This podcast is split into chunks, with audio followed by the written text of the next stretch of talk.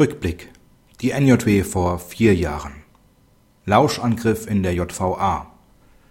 Artikel 12 Absatz 1 Grundgesetz gewährleistet dem Rechtsanwalt eine von staatlicher Kontrolle und Bevormundung freie Berufsausübung und schützt dazu insbesondere das Vertrauensverhältnis zwischen Anwalt und Mandant, so die ständige Rechtsprechung des Bundesverfassungsgerichts. Vergleiche etwa Bundesverfassungsgericht NJW 2004 Seite 1305. Trotzdem kommt es immer wieder dazu, dass Kanzleiräume durchsucht, Gespräche, die der Anwalt mit seinem inhaftierten Mandanten führt, abgehört werden oder Anwaltspost beschlagnahmt wird.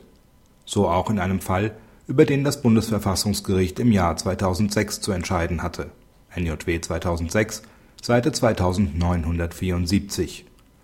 Beschwerdeführer war ein Anwalt, der seinen verurteilten Mandanten, Chef einer Türsteher und Zuhälterbande, auch während der Verbüßung einer mehrjährigen Freiheitsstrafe vertrat, ihn regelmäßig in der JVA besuchte und Geldbeträge auf dessen Anstaltskonto überwiesen hatte.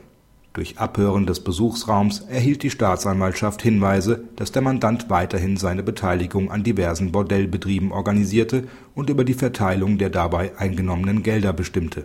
Vor dem Hintergrund ermittelte die Staatsanwaltschaft auch gegen den Beschwerdeführer wegen des Verdachts der Geldwäsche und ordnete mit zwei Beschlüssen das Abhören und Aufzeichnen der Gespräche zwischen dem Beschwerdeführer und Mandanten sowie die Durchsuchung seiner Kanzleiräume an.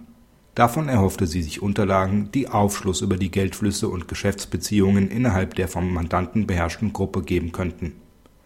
Diese Begründung reichte dem Bundesverfassungsgericht weder für die angeordnete Durchsuchung der Kanzleiräume noch für das Abhören der im Besuchsraum der JVA geführten Gespräche zwischen dem Beschwerdeführer und seinem Mandanten aus Insbesondere vermisste das Bundesverfassungsgericht eine substanziierte Schilderung eines Verhaltens des Beschwerdeführers, das einen Straftatbestand erfüllt, und erklärte beide Beschlüsse für verfassungswidrig.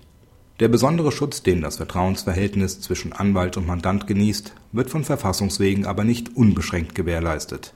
Das hat das Bundesverfassungsgericht in einer aktuellen Entscheidung NJW 2010 Seite 2937 deutlich gemacht so gewährleistet das Mandatsverhältnis insbesondere keine beleidigungsfreie Sphäre dergestalt, dass dem Anwalt eine ungehinderte Kundgabe ehrverletzender Äußerungen etwa in der mit dem Mandanten geführten Korrespondenz zuzubilligen wäre